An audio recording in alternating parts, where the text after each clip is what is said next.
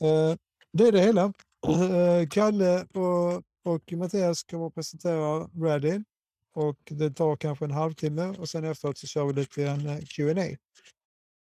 Och vi tänker att det ska vara, vi ska vara klara till senast klockan 13. Där vi är klara innan dess så slutar vi innan dess. Så välkomna hit Kalle och Mattias och ska vi lyssna på er. Tack för det. Det är jag som är Kalle och det är jag som är Mattias. Den idag. Vi har skickat, jag tror att Niklas har skickat ut en kort sammanställning. Vi hade tänkt att lägga upp detta här utifrån att göra en kort summering och sammanfattning av vad Radin är och vart vi är på väg. Vi kommer också att gå igenom lite grann kring Q1, hur det har utspelat sig och vad vi då ser kring framtiden baserat på det.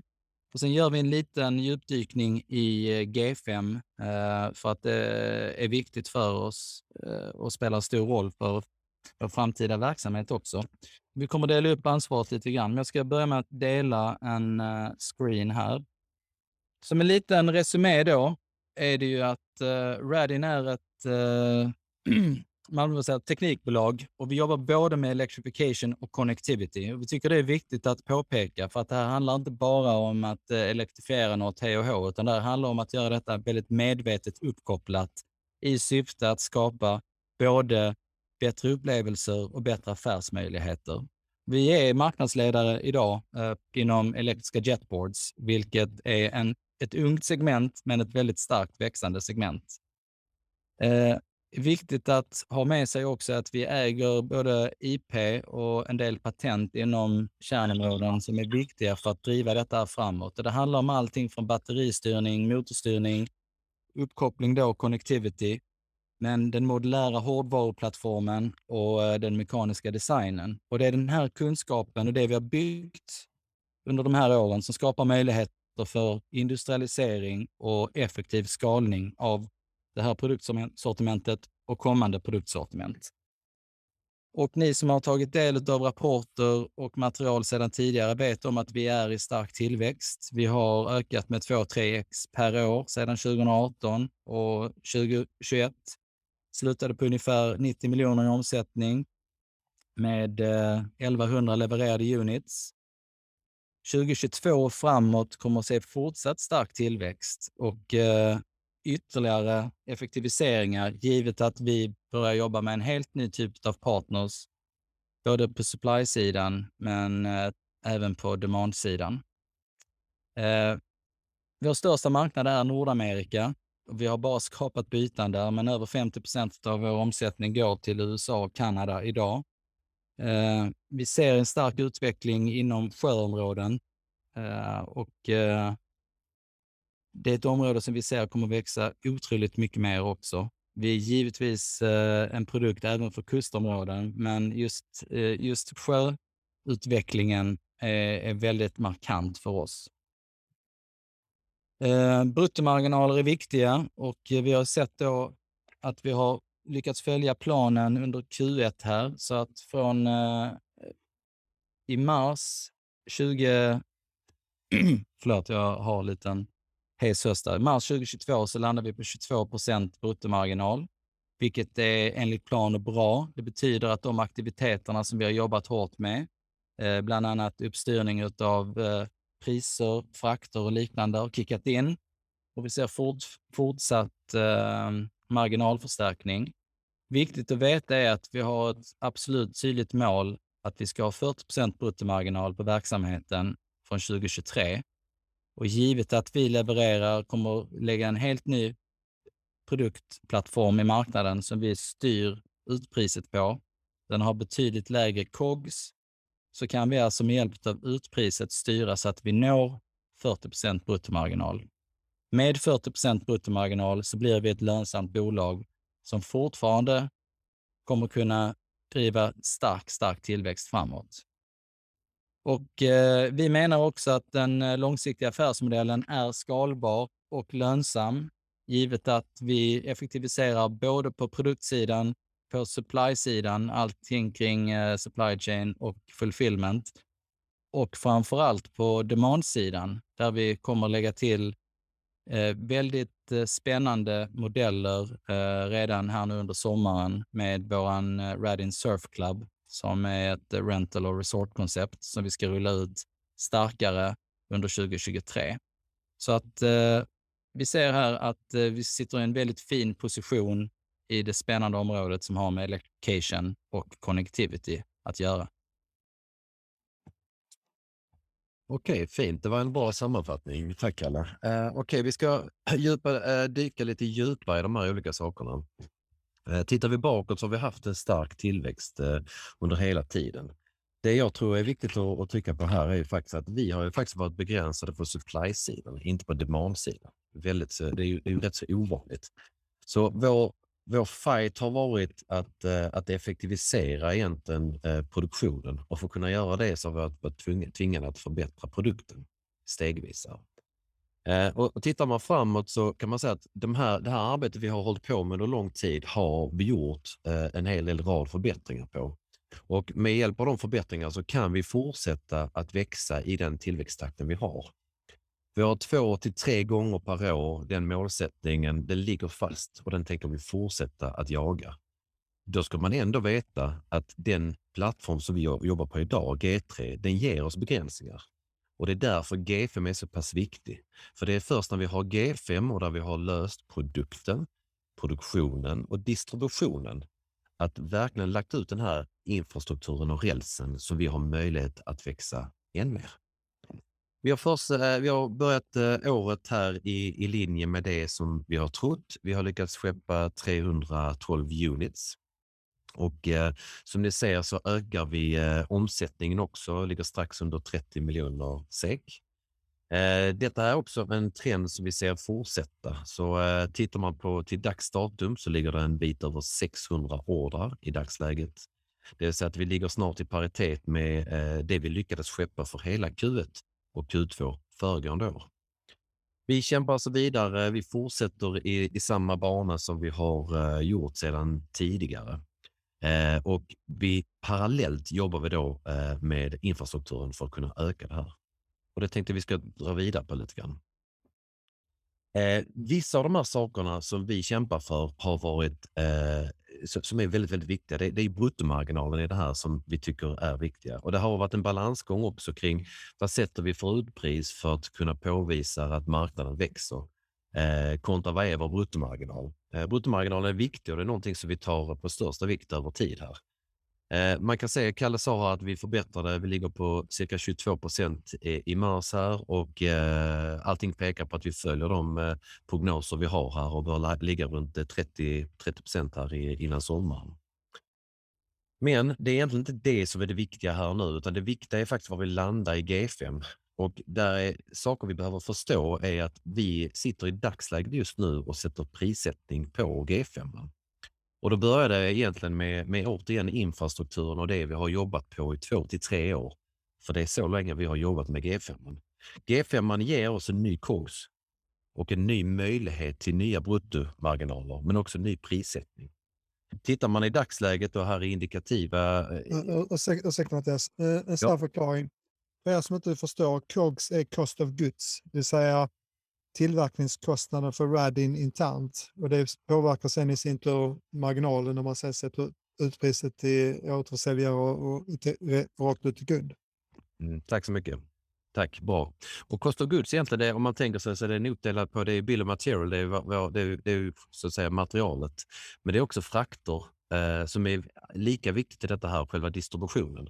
Och våra distributionslösningar i det här är nästan lika viktiga som eh, hur, hur billigt det är att eh, eh producera vår produkt. För det är tillsammans som vi skapar den här bruttomarginalstrukturen som vi vill ha. Indikationerna i dagsläget på ny G5 så inte riktigt hela vägen, men vi närmar oss snart en eh, cost of goods som är en halvering av vad vi sitter med i dagsläget. Och det är alltså det vi jobbar eh, för G5. Och när vi har den cost of goodsen eh, här innan, innan sommaren så kan vi då med hjälp av att titta på OBEX och cost of goods räkna underifrån och därefter sätta pris, eh, st- prisstrategin utåt till kund. Och som vi ser det i dagsläget så kommer vi ha möjlighet att både sänka priset men också öka marginalen radikalt. Och för att tydliggöra detta ännu mer så är det vi som bestämmer vad bruttomarginalen ska vara för G5. Det är det vi beslutar här och nu. Och vi säger att vi vill ha en sund bruttomarginal men ändå balanserad så att det är ett, ett pris som lockar till ett ökat eh, beteende. Um, vi, ska, vi ska gräva lite djupare ändå tycker jag, för det här är intressanta saker som skapar värde som är, är viktiga att förstå över tid. Och då, då handlar det här om, om G5. G5 för Radin handlar om en ny produkt. Det är där allting börjar. Vi tar fram en ny produkt, en ny generation. Vi har jobbat upp mot snart tre år med den här nya generationen och det betyder väldigt, väldigt, väldigt mycket. Eh, såklart så jobbar vi med kvalitet. Eh, vi jobbar med eh, enkelhet att assemblera detta här. Men framförallt så handlar det också om att göra allt till commodities där vi, där vi blir oberoende hur vi ska producera detta här. Och Detta gör vi för att kostnaderna ska kunna gå ner i själva produkten, men kostnaderna måste också gå ner i själva produktionen. Och Detta är kanske det mest väsentliga i det här, förutom att eh, det är bättre vikt och usability och allt annat sånt här som egentligen ligger på, på användarens perspektiv i det hela, så handlar det om att designa detta för manufacturing. Designa det för att producera det och sen därefter så designar vi för att det logistiskt ska vara enkelt att distribuera det till kund. Och Det innebär här ett, ett, ett, eh, ett holistiskt perspektiv där vi utgår egentligen från var sitter kunden? Var ska produkten distribueras från och var ska den produceras? Elon Musk kan kalla det att bygga maskinen som bygger maskinen. Så att, att ta fram en prototyp, det är lätt. Att ta fram en, en produkt som ska serieproduceras, det är väldigt, väldigt svårt. Och Den här maskinen som bygger maskinen är ett jättearbete och det ligger också under det paraplyet som vi då med enkelt ord kallar det generation 5. Så generation 5 för, för Radin, det, det, får, eh, det, är, eh, det är stora steg vi tar som bolag. Och vi tar också väldigt, väldigt stora steg gentemot alla konkurrenter som finns där på marknaden. När man istället kanske jobbar med fina kolfiber etc. etc. så jobbar vi med en enda sak och det är en industrialisering. Industrialiseringen och effektiviseringen, det är det viktigaste. Med hjälp av detta här så skapar vi fina marginaler och har möjlighet att öka, sälja någonting billigare för mer marginaler än alla andra aktörer på marknaden. Industrialisering är det ena som jag tycker man ska ha med sig. Det andra är ju modularitetskonceptet som vi har byggt egentligen hela vår, vår plattform på. Eh, och Det kommer vi ta än längre när det kommer till G5. Så har man investerat i vår plattform med ett batteri och ett jetpack så såklart att man kan välja flera olika brädor men man behöver inte, man behöver inte betala för hela drivlinan en gång till. Det här gör också att det är kostnadseffektivt eh, att, att investera i vår plattform. Uh, Mattias, en snabb, snabb inflik här. Ni kan bara dra kortfattat då, eh, förklara för folk ungefär hur mycket som är drivlina respektive bräda ja. på, pris, på priset. Ja, eh, om man tittar på det så kan man säga att batteriet i dagsläget ligger på nästan, eh, kommande kommer ligga på 50 procent av, av kostnaden. Eh, jetpacken kostar på ungefär 20 procent av, av, av kost. Och därefter så delar eh, eh brädor och övrigt på resterande. Och drivlinan är alltså då batteriet och jetpacket. Det är, det är det svåra, det är det dyra, eh, det komplicerade, eh, eh egentligen alltihopa det här. Men det innebär egentligen att den här drivlinan, det ska man kunna använda till, till mer saker. Till fler brädor, men kanske även till mer saker över tid. Jag kan flika in och säga att nio hästkrafter eh, räcker för att driva en eh, motorcykel, en cykel, en eh, mindre båt. Vi är väldigt fokuserade på att eh, industrialisera och driva jetboard-utvecklingen framåt, men vår teknik har ett bredare användningsområde. Framför allt det uppkopplade batteriet som är väldigt, väldigt, eh, jag skulle säga nästan till unikt. Här har ni en bild på vår nya drivlina som vi faktiskt i dagsläget har varit ute och testat nu i eh, snart två månaders tid. Eh, vi har eh, väldigt framgångsrika tester på det som då egentligen kallas G-film. Eh, projektet G5 kan vi börja med har redan eh, introducerats till kunder i form av på insidan. Vilket innebär att kunder i dagsläget som är där ute och vår G3-teknik så uppdaterar vi teknik under huven för att säkerställa att det här verkligen fungerar när vi då lanserar vårt G5, eh, G5-projekt. Eh, I dagsläget kan man säga att vi har gjort vår eh, P0, eh, alltså vårt första prototyptest. Det är någonting vi gör under eget paraply där vi är på väg in i vår P1 som görs tillsammans med den part partner som ska producera detta här. Och eh, i fjärde kvartalet så går vi sen in då egentligen i den första produktionen av, av, av G5. På bilden så ser ni drivlinan. Det är alltså batteriet till vänster och jetpacken till höger och där de är kopplade mot varandra. Eh, I det här så är det så också att vi jobbar med en vagga kring detta här som är ett sätt att eh, koppla drivlinan mot en annan, eh, en, en annan body eller annan vässel. Farkost. En farkost, ja. Och i dagsläget så är det så att ja, vi har ju en, eh, en, vår uppfinning är en drivlina. En elektrisk drivlina som är uppkopplad i realtid till internet. Den drivlinan i dagsläget applicerar vi för marint bruk och just nu för surfbrädor. Men precis som Kalle säger här så går den här att docka till andra vessels. Eh, vi kommer ha starkt fokus på att jobba mot det som är surfbrädor. Vi ser att marknaden för detta här är väldigt, väldigt stor inom det närmsta och det kortaste. Men man ska inte glömma att den här dockan eller cradle, vagga som vi kallar det, den kan dockas till en annan, eh, till en annan farkost. Och det kan vara ganska viktigt för man måste förstå egentligen att själva brädan här, det är plastbiten, det är den enkla. Väldigt, väldigt, väldigt enkelt om man jämför mot, mot själva drivlinan. Och därför så är det intressant för oss över tid eh, som bolag som Radin. Eh, Snabb, snabb fråga. Kan man seriekoppla om man vill driva, det här är ju starkt nog för att driva en mindre en två personers motorbåt sa vi. Eh, hade man kunnat seriekoppla två, tre, fyra stycken och driva någon större motorbåt med plats för sig, sex, åtta passagerare, alltså rent teoretiskt? Absolut, så är, så är he- helt klart fallet. Och det är tack vare, jag får säga då att det är tack vare att vi har utvecklat vår egna batteriteknik med egen BMS, Battery Management System, som gör att vi kan anpassa hur det här ska utnyttjas i serie, parallell och liknande. Mm. Det kan man inte göra om man köper en, ett färdigt batteripack från eh, någon eh, kinesisk leverantör, för det, det är inte gjort för det, utan vi sitter på liksom, alla de här recepten själva.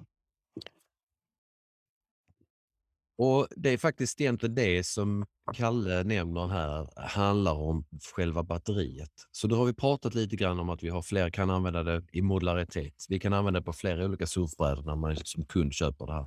Men det innebär att vi har en drivlina som kan appliceras för, för annat bruk.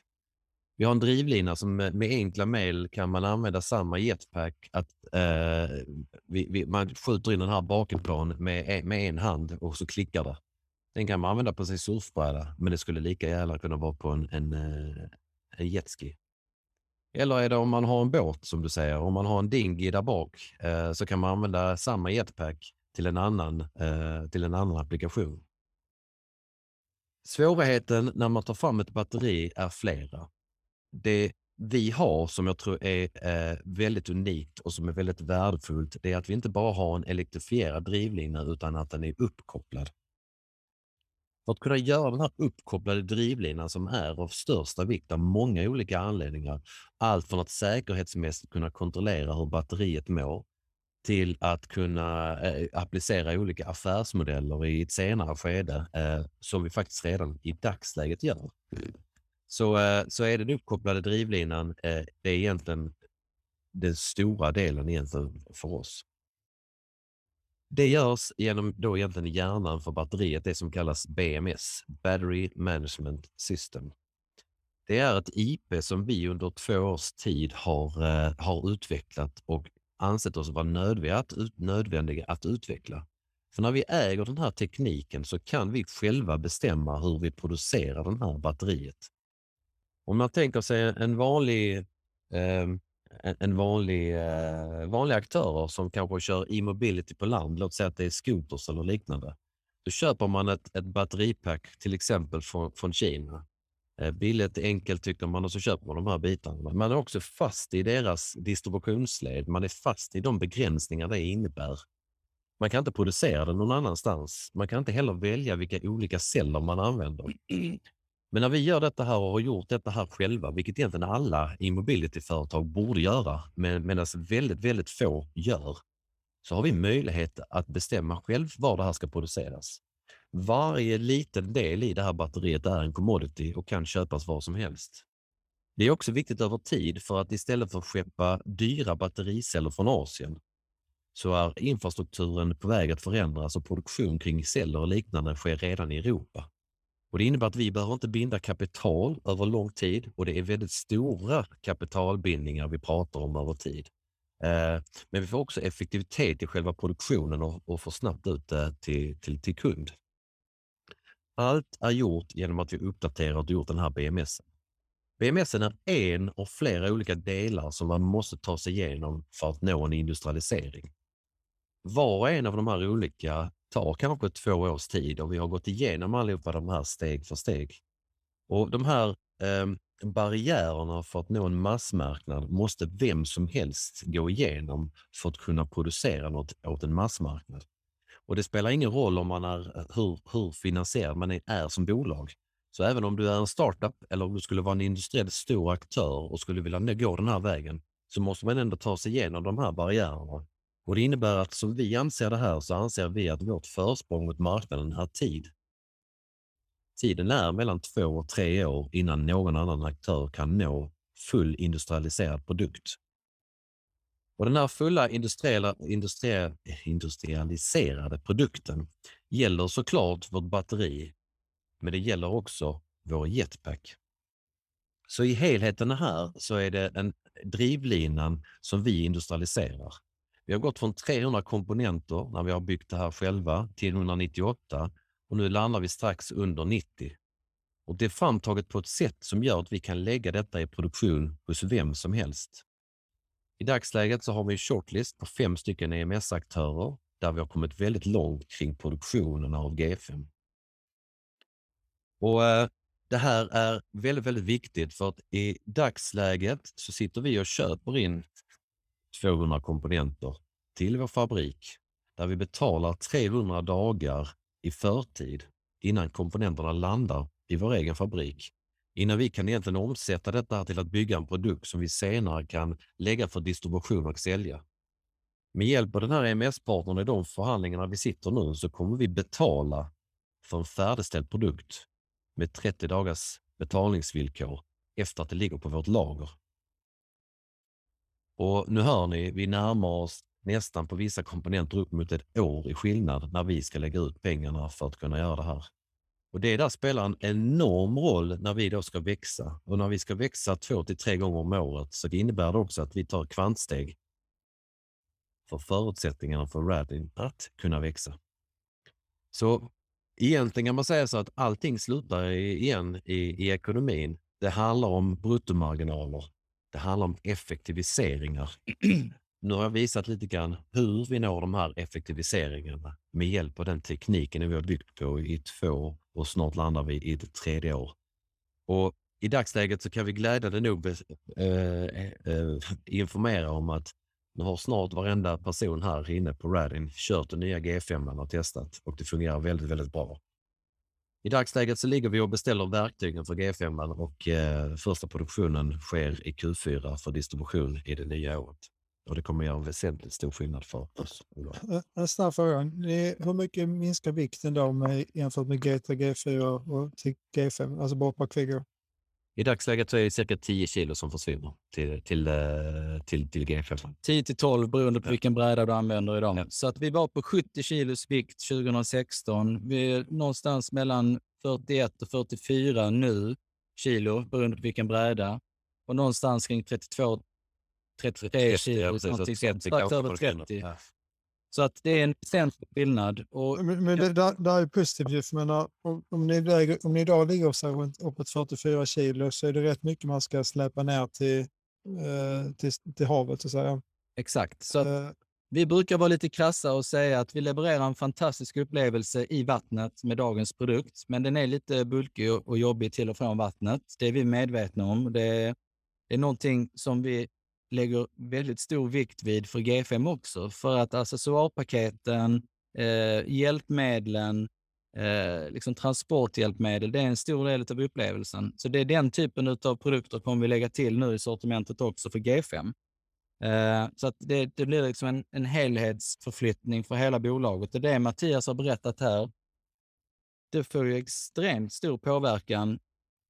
Radin mot konkurrenter, Radin mot totalmarknaden. Vi, vi, är i, i, vi har arbetat fram en väldigt, väldigt bra position som gör att vi faktiskt kan som enda aktör troligen trycka upp de här eh, produktionsvolymerna som, eh, som bättre motsvarar marknadens efterfrågan. Och marknadens efterfrågan är stor.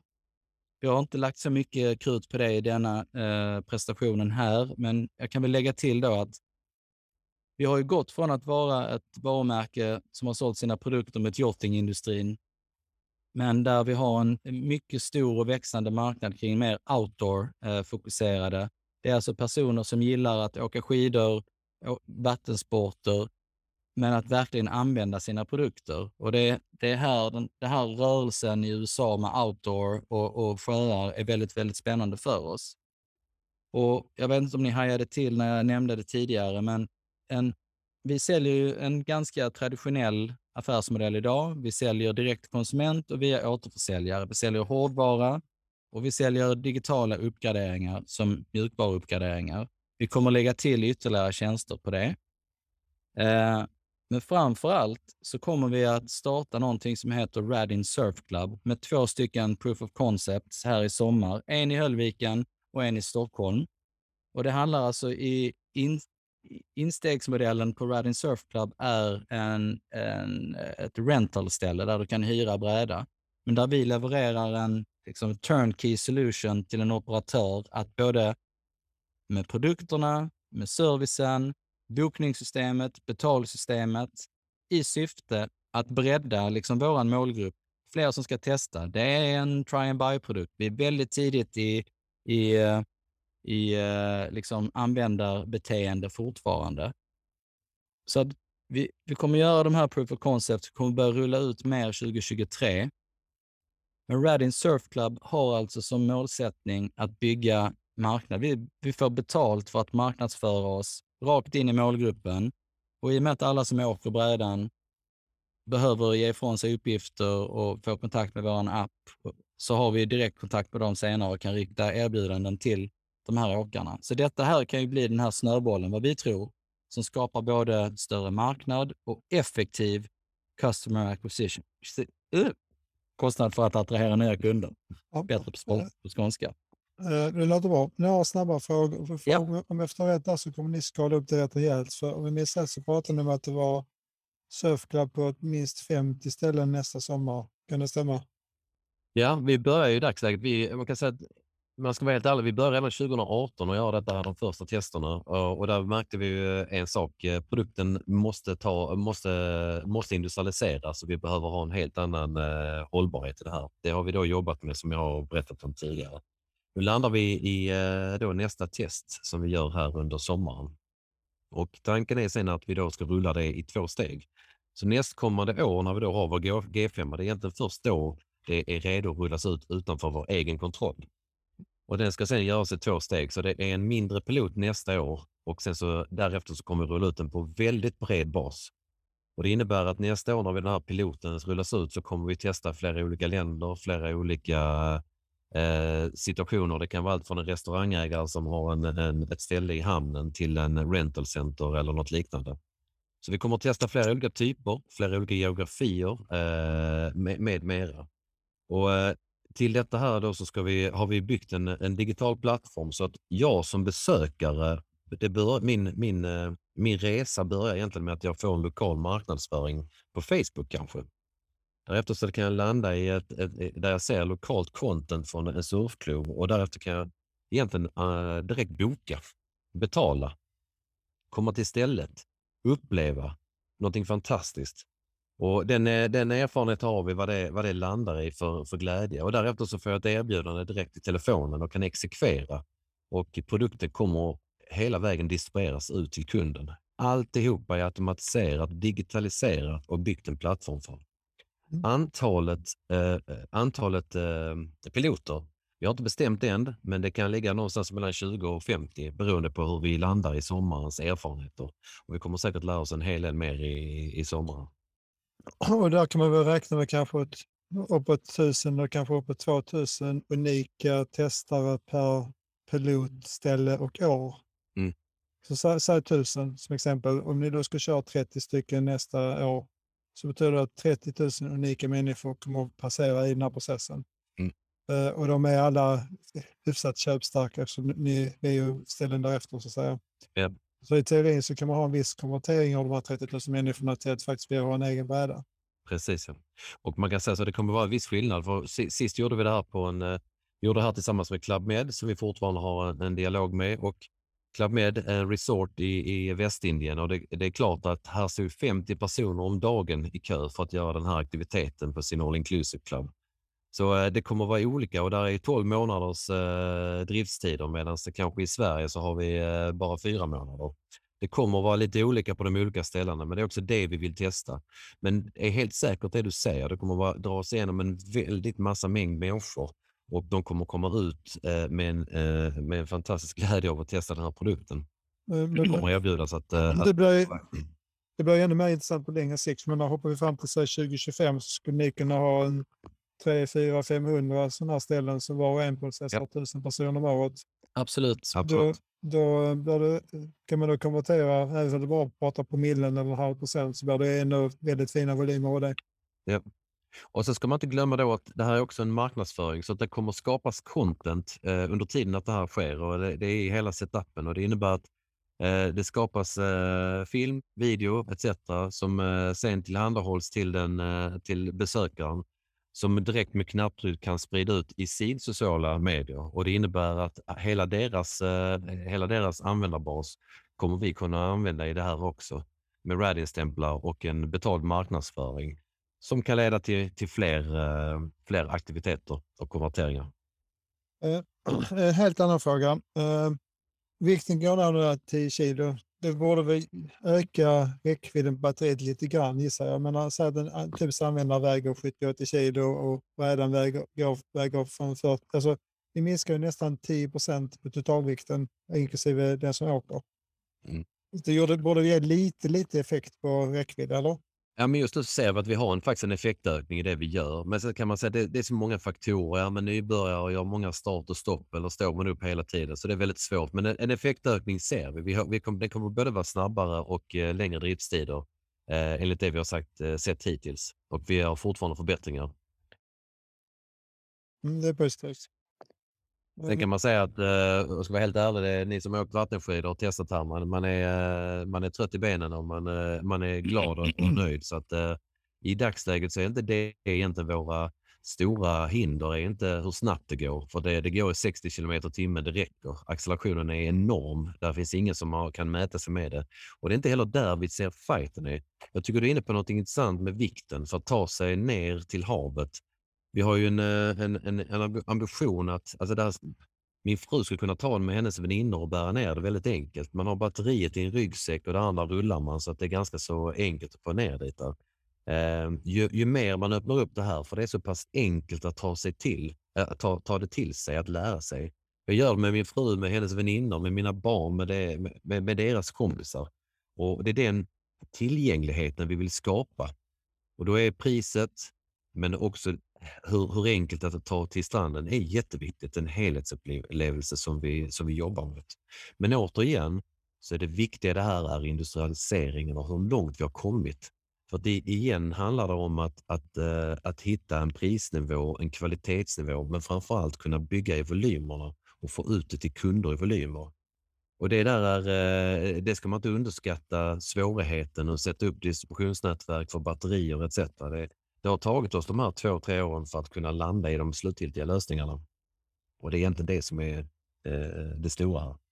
Eh, om ni ursäktar en klyschig jämförelse kan man säga att ni är vattenvärldens svar på Tesla. Men te Tesla har ju det här intressanta försprånget eh, och, och, och har enligt vissa experter fortfarande ett försprång gentemot många av sina konkurrenter. Därför att de har inte stått stilla medan konkurrenterna kämpar för att komma ikapp. Ja, men det är ju det är helt rätt. Eh, det är en fin jämförelse och jag tror faktiskt du har rätt i det. Och det är där jag pratar om industrialiseringen, att äga sin BMS och äga sitt IP. Jag tror faktiskt att Tesla kanske till och med har ökat eh, försprånget i, i vissa steg. De sitter i dagsläget och utvecklar sina egna celler som är gjorda för deras applikation. Medan alltså vissa konkurrenter köper ett batteripack som är faktiskt anpassat för någonting helt annat. Och det är det jag vill påstå också, att äga den här tekniken och know-howen här inhouse, det är att vi kan applicera detta till vårt behov. Tänk er att eh, vår bräda här är, eh, är, skulle vara en bil och det innebär det egentligen att jag hade hoppat in i bilen, startat bilen, satt gasen i botten och sen kört med gasen i botten tills bensinen var slut. Det är inga bilar som hade klarat av den här belastningen, men det är det beteendet man gör på vår bräda. Och köper man då ett batteripack som är utvecklat för ett annat eh, applikationsområde så får man problem. Och det är därför man, man ser ju väldigt många mindre aktörer på marknaden, mindre startups, glada entusiaster. Men de kan aldrig komma till, till en massmarknad för att det blir problem, det blir överbelastningar, batterierna tar slut, går sönder, jetpacken oh, tåler inte etc. Så att sätta en stor tung person som jag eh, på, på konkurrenterna, så det håller några gånger. Och där har vi själva varit. Där var vi när vi klev ombord 2018. Jag körde det här i några minuter och därefter så var det slut med det jetpacket. Och det, blev, det, det är dyr, dyrbart. Så det är en, en, ehm, en väg man måste gå igenom och vi har haft, vi har, Elon Musk och Tesla har varit stora förebilder kring hur de tänker i helheten, att göra det från grunden. Och det är först nu vi kan börja prata om det, berätta om det, för det är nu vi kommer att se konsekvensen. Och i slutändan så landar det i bottom line. Det handlar om kvalitet och det handlar om eh, marginaler och eh, lönsamhet. Eh, för, här är en viktig aspekt som jag tycker vi ska lyfta också. Det är att när ni går från nästan 200 komponenter ner till 90 komponenter som dessutom är industritillverkade för att passa ihop exakt med, med de- toleranser som det innebär. Så borde allt annat lika leda till att ni har mindre vatten där vatten inte ska vara och, och, och alla de här bitarna, men också mindre problem med service, eh, skador, att, eh, att det går sönder och så vidare. Så vidare. Att det borde bli mindre service, lättare underhåll, mindre saker som kan gå fel eftersom det är färre lösa delar. Ja.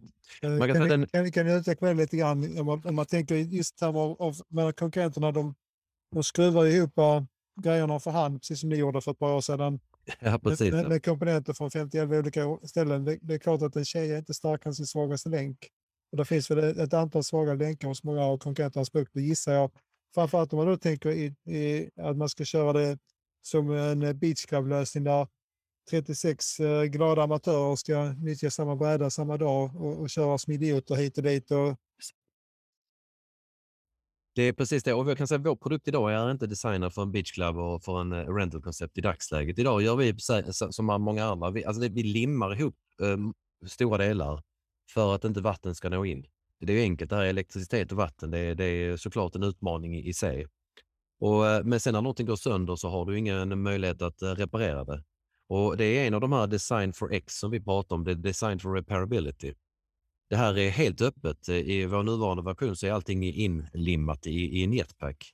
Men här är det helt öppet där vi låter vatten skölja över för att då också fungera som eh, kylning för, för, för de här delarna. Och det är en del. Den andra delen jag kan ta bara som ett exempel. Man förstår här att det är tekniker som vi var tvungna att övervinna. Det, jag kan nämna en. Det är splineshaft-metoden som egentligen handlar om axeln och hur vi eh, får eh, kraften från, eh, från motorn ut till impellern. Och eh, I dagsläget använder vi aluminiumrör med precisioner på eh, tusendels millimeter för att det här ska fungera. Och de här aluminiumrören är, är producerade i ett specifikt, specifikt verktyg i ett land och som skickas till ett annat land för att anodiseras, till ett tredje för att borras, till ett fjärde för assemblering, till ett femte för distribution etc. etc. De här delarna och det här sättet att jobba på, det, är, det, det, det, det jobbar många med. Nu har vi utvecklat en metod som man ja, faktiskt gör inom Formel 1-industrin och det har också tagit oss tid. Men med det resultatet av det att vi kan göra alltihopa i plast. Idag är de här delarna ni tittar på här, är, det är delar i plast. Och man kan skruva av dem en enkel bajonettfattning och byta till en annan. Så Plötsligt så är det här väldigt billigt att producera. Det är vilket plastverktyg som helst. Vi kan göra det var som helst, den här produktionen. Och vi behöver inte eh, producera det i, fram och tillbaka mellan olika länder.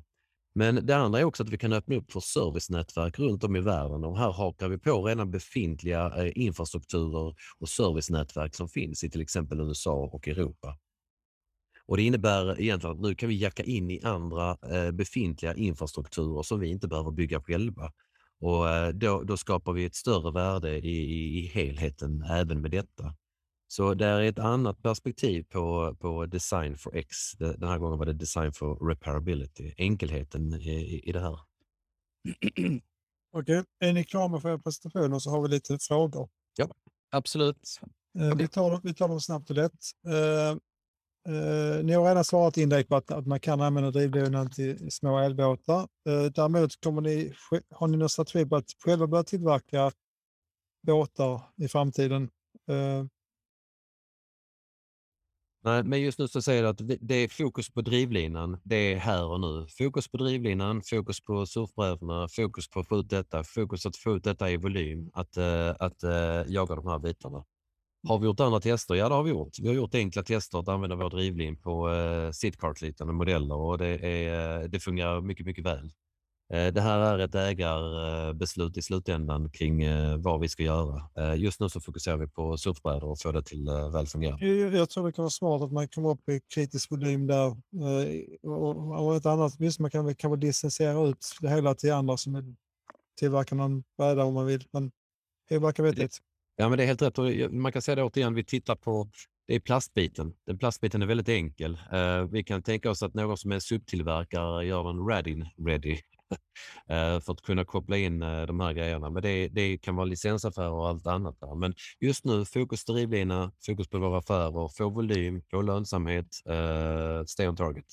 Ja, en fråga från Peter Thorhall. När bestämmer ni er för vilken legotillverkare ni kommer att anlita av dessa fem ni tittar på just nu? Inom kort. Långtgående diskussioner. Eh, Så det, det kommer vara klart före sommaren gissar jag. Ja.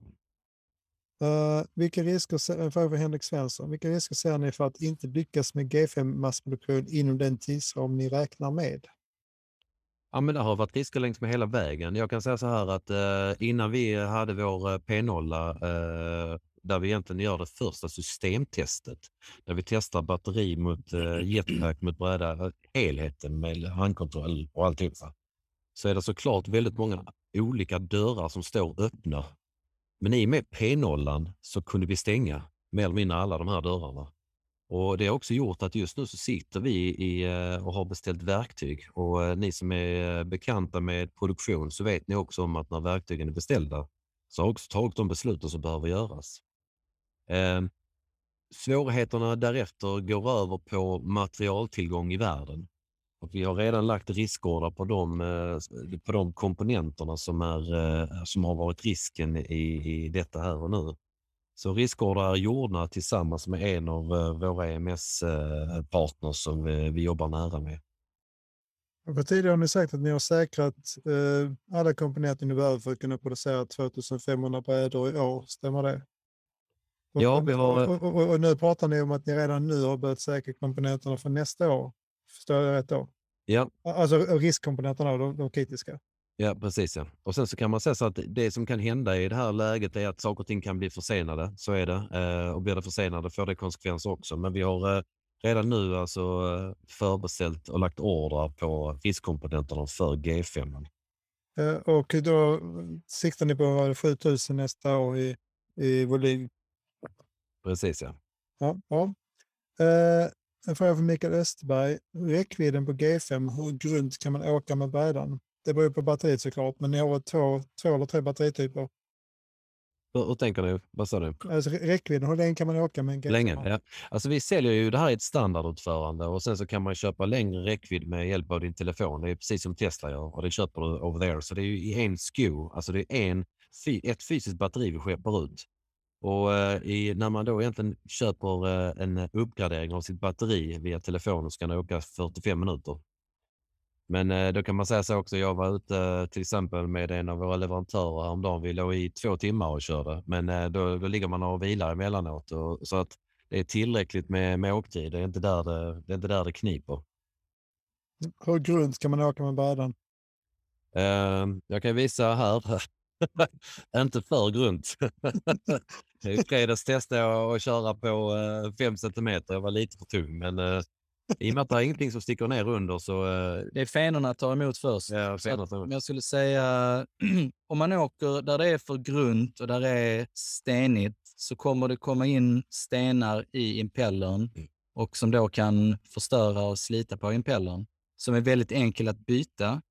Men jag skulle säga att man ska hålla sig över 30 centimeter. eh, det är ju det är en säkerhetsfråga också, var, var, var man vill. Ja, Eller hur? Okej, men man kan fall åka så pass grunt att det går inte ens att jämföra med jetski. Du kör inte en jetski på 30 centimeter. Nej, det är inte en, för- inte, och där finns ingen annan av de andra konkurrenterna som kan göra det heller. För de andra tekniker där det hänger eh, ner propell, pro, pro, propellrar eller andra typer av eh. Så att eh, du kan åka väldigt grunt. Är några andra frågor? Är det du som eh, slänger Ja. ut frågorna, Niklas? Yes, en fråga Ja. från Henrik Tidelius. Hur mycket av er utveckling som ni nämner är inprisad i aktiepriset i dagsläget? Ja, det har vi inte gått in på så mycket, men kortfattat så gör nu Radin en, en eh, mindre runda eh, som eh, polynom med nätverk är ankare i. Och där vi har satt en pre-money-värdering på hela bolaget på 700 miljoner.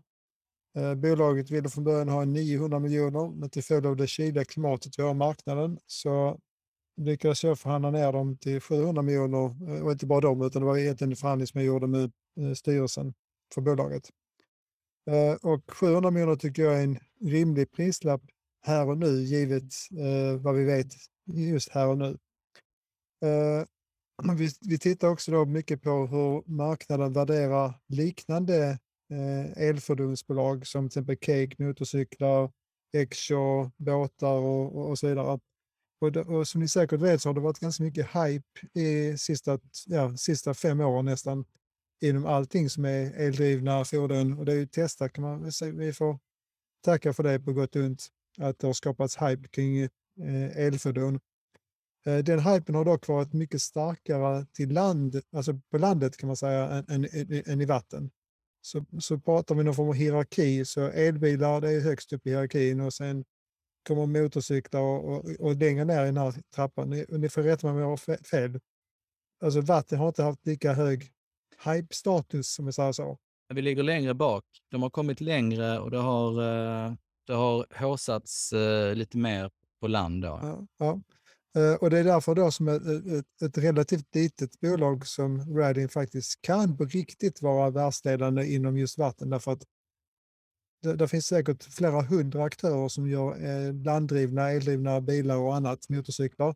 Men i vatten är de betydligt färre därför att det är mycket svårare att få till detta i vatten. Eh, och ni som vet vad som händer om man kombinerar vatten och el kan ju själv räkna ut varför. Eh, Men det ser vi också som en möjlighet att eh, eh, jag- jag- Eh, det, det är ingen, för mig är det ingen klyscha att, att säga att Radin är vattenvärldens svar på tester här och nu baserat på vad jag har lyckats eh, ta reda på. Och jag har lagt ganska mycket tid på att försöka läsa om och scanna hela marknaden på vilka andra konkurrenter som finns. Och de, de är inte många kan jag säga och de, är, och de har inte någon imponerande... De tillverkar kanske 100-200 brädor om året, alltså på den nivån. Eh, handskruvade. Eh, så det, det finns inget bolag just nu i världen som har kommit lika långt som Radin har gjort. Ehm, eh, så jag skulle säga att priset här och nu, givet hur pass kyligt klimatet är, är väl, är väl rimligt. Ehm, eh, vad Radin kan vara värt till hösten nästa år, det är, en, halv, det är en intressant fråga som ni förstår. Och det är jättesvårt att säga. Det beror på, men om Radin kan leverera 2500 brädor i år, eller säga över 2000 i alla fall, och de kan börja ta stora ordrar i slutet på detta året för leverans av G5 nästa år med en lägre prislapp och bättre och lägre vikt och allt, alla fördelar de har. Så kan ju i rimlighetens namn borde bolaget ha varit bra mycket mer säg till hösten nästa år. Hur mycket mer är det jättesvårt att, att säga kring. Men säg dubbelt, tredubbelt, vad, vad tror ni själva? Det kan vi inte spekulera i. Precis, det, det, det är jättesvårt att veta, men, men det, den storleksordningen. Dubbelt, tredubbelt kanske. Uh, uh, och det, men det bygger då på att de faktiskt levererar det de har sagt att de ska göra. Alltså säg 2000 plus brädor i år, 5 6 7 nästa år. så, så, så kommer det se bra ut. Och sen är det tänkt att det ska bli någon form av börsnotering 2024. Som, det, det, det är inget beslut taget kring det heller som ni förstår, men det är inte osannolikt att man kanske kör en börsnotering 2024.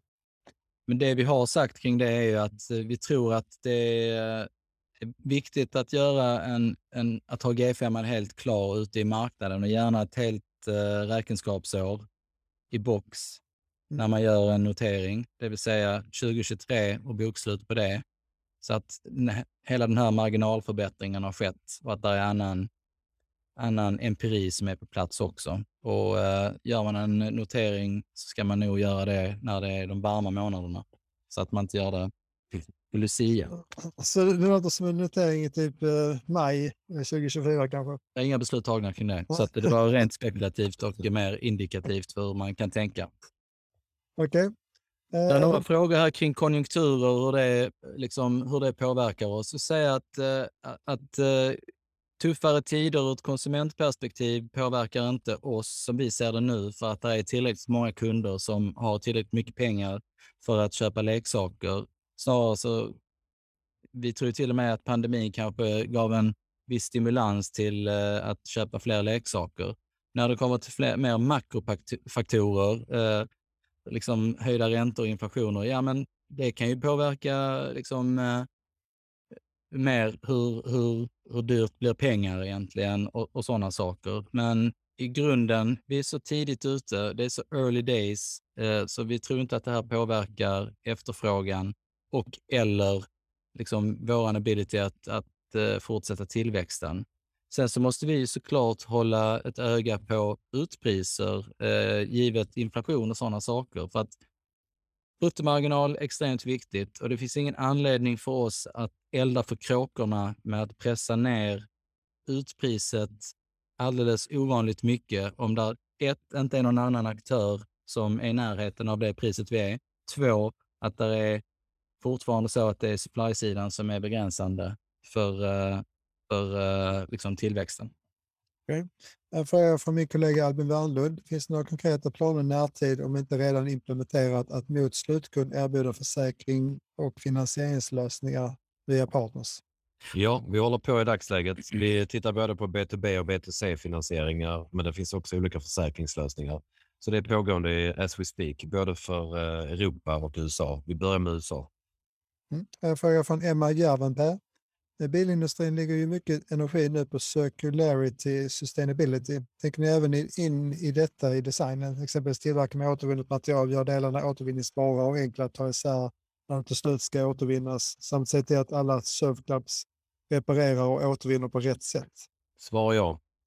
Och det är en väldigt viktig grej i det här eh, med, med, eh, med sustainability. Så att det är någonting vi kommer att öka vår kommunikation kring över tid. För det är egentligen det som den här möjligheten ger oss med G5. Så eh, den, är, den är väldigt, väldigt viktig. Och det är där också tror jag någonstans att eh, eh man ska ju inte heller, eh, den här liksom greenwashing som, det, som fungerar i, i, i vissa bolag, man ska nog akta sig för det. Och jag tror också att eh, större e-mobility-företag eh, på land har börjat förstå det här att eh, kan jag verkligen producera mina saker i Kina och, och flyga in eller frakta in eh, etc. Utan lokal produktion är en del i det här. Och det är det som vi egentligen har eh, möjliggjort här. Eh, Och ni kommer ju definitivt att vara bättre än era konkurrenter på sustainability och återvinnings, eh, alltså eh, vänlighet. Ja. En fråga från, eh, ska säga här, Peter Torehall. Vad är de en till tre potentiellt största hindren mot att nå den blomstrande framtid ni beskriver? det, det, det, det är en fråga man kan ägna 30 minuter men jag ska försöka ge ett kort svar på den här frågan på säg max två minuter. Men fram till idag kan man säga så att det, fram till idag har vi, det är det supply-sidan. Vi har inte kunnat producera och ta fram eh, produkter den, eh, med den efterfrågan som vi haft i dagsläget. Det har varit en jättestor eh, utmaning för, för oss idag. Det kommer såklart svänga över till andra sidan att, eh, att få folk att förstå vad det här är. Eh, för det är fortfarande nästan ingen som vet vad det här är. Vi är jättetidigt. Och den här diffusionsteorin som säkert känner till med early adopters och liknande, det är klart att vi tittar på det här. Det här är ju en, en helt ny betingelse. Eh, Blue Ocean Strategy, där finns egentligen ingen, där finns ingen aktör, inte ens Radin som är i en massproducerande skede. Så vi kommer först ut i detta skedet och det kommer ge oss enorma eh, fördelar men vi, vi ska också förvalta dem väl i, i det långa, eller hur? Ja, men jag tycker det är helt rätt svar. Så Mm. kortfattat, det är supply-sidan i det korta perspektivet och sen i det längre perspektivet går det- kommer pendeln gå över till demand-sidan. Och sen vad tidslinjen är på kort och långt, det, det är svårt att säga kring. Och bara för att ni ska förstå, eh, förra året så kunde Radin sålt nästan 2000 brädor istället för de här 1100 de levererade. Men de, de, fick inte, de kunde inte tillverka så många helt enkelt. Det fanns inte tillräckligt med komponenter. Uh, och nu och visar den erfarenheten så säkrade de då redan förra året komponenter för att kunna tillverka 2500 brädor i år. Uh, och därmed så är jag ganska trygg med att de bör kunna se mer än 2000 enheter i år eftersom de hade order på det förra året.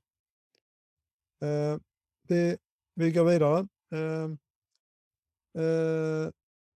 en fråga från Mikael Lindström. Hur, tror ni, hur stor tror ni risken är att jetboards inkluderas i vattenskoterförordningen i Sverige? Har ni haft någon dialog med till exempel Naturvårdsverket så att de förstår produkten och att den inte stör på samma sätt som jetski? Idag gäller det ju bara förbränningsmotor. Eh, så det kommer citat. En farkost vars längd understiger 4 meter och som har en förbränningsmotor med en vattenjetaggregat som främsta drivkälla och har utformats för att framföras av en eller flera personer som sitter, står eller står på knä snarare än befinner sig i den. Ehm, ja. ja, Låg risk. Vi har dialog med utskottet i riksdagen faktiskt som eh, har lagt fram detta här. De var inte medvetna om att det fanns någonting som hette jetboards och att det fanns svenska bolag som eh, gjorde stort avtryck i hela världen på exportsidan. Och eh, så informationen från dem är att nej, men det här handlar inte om, om jetboards. De har inte alls som intresse att försvåra bolag som vårt tillväxt, utan detta handlar om att stävja buskörandet med vattenskotrar i, eh, i, eh, i havsmiljö. och det, det är också en stor skillnad. För en vattenskoter väger, vad är det, 150-200 kilo och vad, vad, vad har den för decibel när den kommer att bröta den? Ja, men det är ju högt. Plus 100. Plus 100 decibel. Det här är ju helt tyst. Så jag väger så från 150 kilo till så 33 kilo och från 100 decibel till nästan ljudlöst. Det är en jävla skillnad. Ehm, så, och dessutom är det säkerhetsaspekten också. Blir man påkörd av en eh, jetski i full fart så kan man ju dö. Ehm, men eh, blir man påkörd av en värdingbräda så bör man ju överleva kan man tycka. Ehm, okej. ehm, Fråga från Filip Eriksson. Hur ser det ut med finansiering i och med kapitalanskaffning som sker nu i vår och kommande kapitaltillskott? Ja, vi, eh,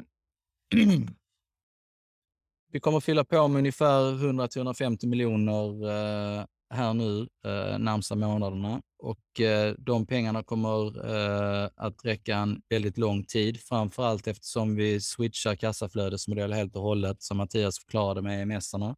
Vi binder inte alls lika mycket kapital. Dessutom så har vi ju givet vår track record blivit mer och mer bankable, så där finns fler eh, alternativ och större limits tillhanda när det gäller skuldfinansiering för att till exempel bygga lager och sådana saker. Så att eh, vi gör den aktiviteten här nu och sen så räknar vi med att vi har kommit upp rejält i värdering eh, till om det skulle behövas fler runder. Men eh, jag, jag ska gissa att ni behöver nog inte göra någon runda mer i år, utan Nej. nästa, nästa runda blir nästa år. Eh, och, och om den sker så lär det vara till en högre värdering. Så, så det här blir den sista ja, billiga rundan att komma in i Radin, skulle jag gissa. Om ni kan nå de målen som ni har satt upp. Kanske kan nämna bara, för det är många frågor om när eh, Eh, betalning och så vidare ska ske på detta så folk kan planera. Eh, vi har satt sista, betaldag sista maj, om jag minns rätt. Typ måndagen den 30 maj. Eh, Sen är det möjligt att det kan vara visst förhandlingsutrymme i det datumet om vi ska vänta in pengar från till exempel avveckling av WUPF. Ja, men det får jag ta med, det behöver vi inte prata om på det här mötet, men jag, kommer ta det med styrelsen i Radin och med Kalle och Mattias. Och se om det är en, två veckors eh, eh, flexibilitet när de behöver pengarna. Eh, jag, skulle gissa att det är det. Okej. Okay. Um, ska se, vi har nu tagit de flesta frågorna. Ska se, har, vi missat, har vi missat någon fråga? Uh, Eh, Kort om SPV då att vi, vi startar upp en, en SPV som vi gjort tidigare och minsta belopp kommer sannolikt vara 100 000 kronor. Det där har vi pratat om. Just som det ser ut just nu sista maj, kanske om, om Reradin är flexibla att, att vi kan pusha det till första andra veckan i juni. Men det kommer inte pushas till juli, augusti och sånt utan, utan vi pratar i så fall första halvan juni kanske. Uh, och uh, mm, mm, mm, mm, mm du kommer få mer information Mats Isaksson uh, om det här med 20-sidig analys som du ska få ut. Eh, nästa vecka ska jag säga Niklas att det kommer komma mer information. För dels, dels det har vi inte Kasper på kontoret idag. Ja, ja. Vi behöver honom. Så, eh, vänta på oss. Det kommer mer information nästa vecka helt enkelt. Om SPV och analysen. Ja. Uh, nej, jag tror jag har täckt upp de flesta frågorna. Jag, jag tycker det är ett spännande bolag. och Polynom har faktiskt beställt eh, ett par eh, brädor som vi ska väl få levererade nu till sommaren hoppas jag. Eh, och så ska vi försöka skapa möjligheter för delägare att testa brädan helt enkelt. Och det kommer säkert finnas möjlighet att göra någon deal med ert, er Beach Club också. I, i, var det Höllviken eller vad skulle det Ja. ligga? Det är så. Det kommer nog inte finnas utrymme att starta upp någon sån här i Lomma som det var en fråga som jag missade. Eh, utan det, det blir Stockholm och Pellviken som är slut. Eller, och, och skulle det bli någon annanstans så är det kan vara smartare att kört Göteborgsområdet gissar jag. Ja, precis ja. Men vi, vill, vi behöver hålla det här tajt. Vi kommer göra det under egen flagg för det, det här handlar om att vi ska lära oss. Så att vi håller det tajt i, i, i det här första steget. Det är många som, eh, som vill och ja, Göteborg är också bra. Där, jag kan säga det är, det är stort intresse för det här eh, från många håll. Men vi har valt att hålla det tajt. Vi måste, hålla, vi måste sätta de sista bitarna ehm, och sen så rullar man ut. Vi ska göra det här smart. Okej, ja, men då är, vi, då är vi helt klara tror jag. Vi har hållit tiden hyfsat, ja, nej, vi har över tre minuter. Och sen det sista vi kan avsluta med är att, att eh, i, eh, för att ni ska förstå att detta är bra på riktigt. Imorgon så åker Kalle och kompani till USA för att träffa väldigt stora återförsäljare som är intresserade av att börja ta in eh, Radins produkter i sina sortiment. Och då pratar vi rikstäckande i USA. Alltså de har det som butik, fysiska butiker och onlinehandel som täcker hela USA. Och det kan de, kan de säkra en sån eh, avtal eh, med att få in en tung generalagent i USA eller kedja eh, så kan det väl antagligen Ja, har det, halva, halva nästa års eh, volymbudget skulle vi kunna säkras via ett sånt avtal, gissar jag. Ja, det är spännande. Det eh, kan vi absolut hålla med om. Så får vi hå- hålla tummarna för att det kan leda oss. att- men Det, det, det här är liksom early days igen. Det, det kommer inte vara några avtal på plats förrän tidigast till hösten, gissar jag. Nej, precis. Det handlar om eh, volymer för 2023 2024 och det kommer dröja några månader så att ni kan inte förvänta er någon input eh, från det eh, kopplat till det här beslutet. Bra. Eh, Jag ska se här om det är någon några frågor som dyker upp. Nej, men då är vi klara. Jag tackar så mycket för att ni tar tid att lyssna och eh, ni får mer information nästa vecka eh, om det hela. Tack, Tack så så mycket. mycket. Super. Tack så mycket. Hej. Tack så mycket. Hej.